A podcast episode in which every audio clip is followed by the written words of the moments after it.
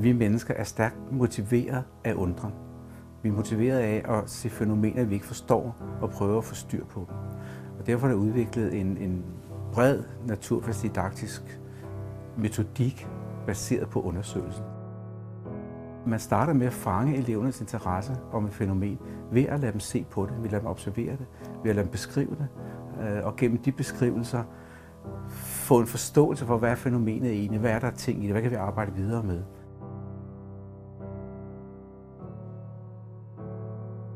Baseret på det at fange interessen og observere, der begynder man at systematisere, kategorisere.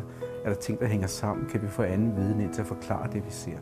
Og gennem sådan nogle processer vil man stille og roligt opbygge en forståelse af den der ydre verden. Nogle gange i modsætning til den, eleverne selv har opbygget i deres hverdag. Men så må man kontrastere deres egen forståelse med de fænomener, de nu observerer, og de målinger, de gør, og hvordan passer de med deres egen forståelse.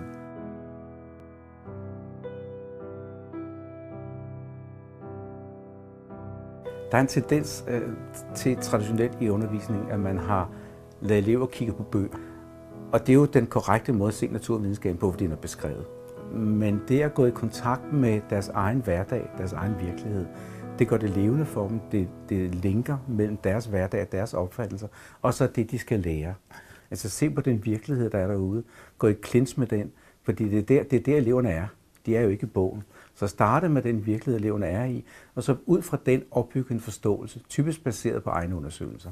Det er en meget klassisk vej, en meget motiverende vej frem, og det gør også det, de lærer til deres eget.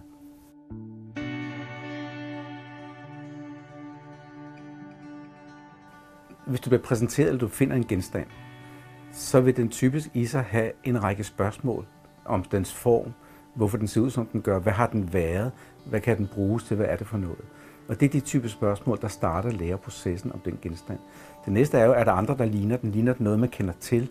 Sætter den tankerne i en bestemt retning? Er der nogle kategorier, man kan putte flere genstande ind i? Den type spørgsmål er jo naturvidenskabelige spørgsmål, som får eleverne til at, at lære og kategorisere, systematisere.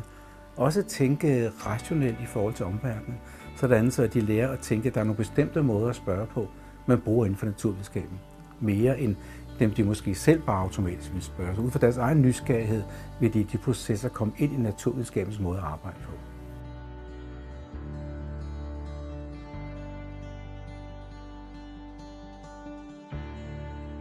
Altså en undersøgelseskompetence eller en empirikompetence, det er jo en af de kompetencer, som ligger i det danske uddannelsessystem, som elever skal have ud af naturfagsundervisning på alle uddannelsestrin.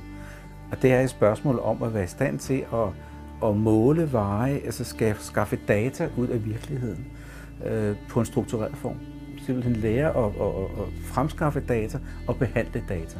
Det vil sige se på viden på, på verden, kunne måle på den og kunne systematisere og repræsentere den viden. Det er typisk en del af empirikompetencen at repræsentere de data, man nu får, de målinger, man får, på en form, så det giver mening.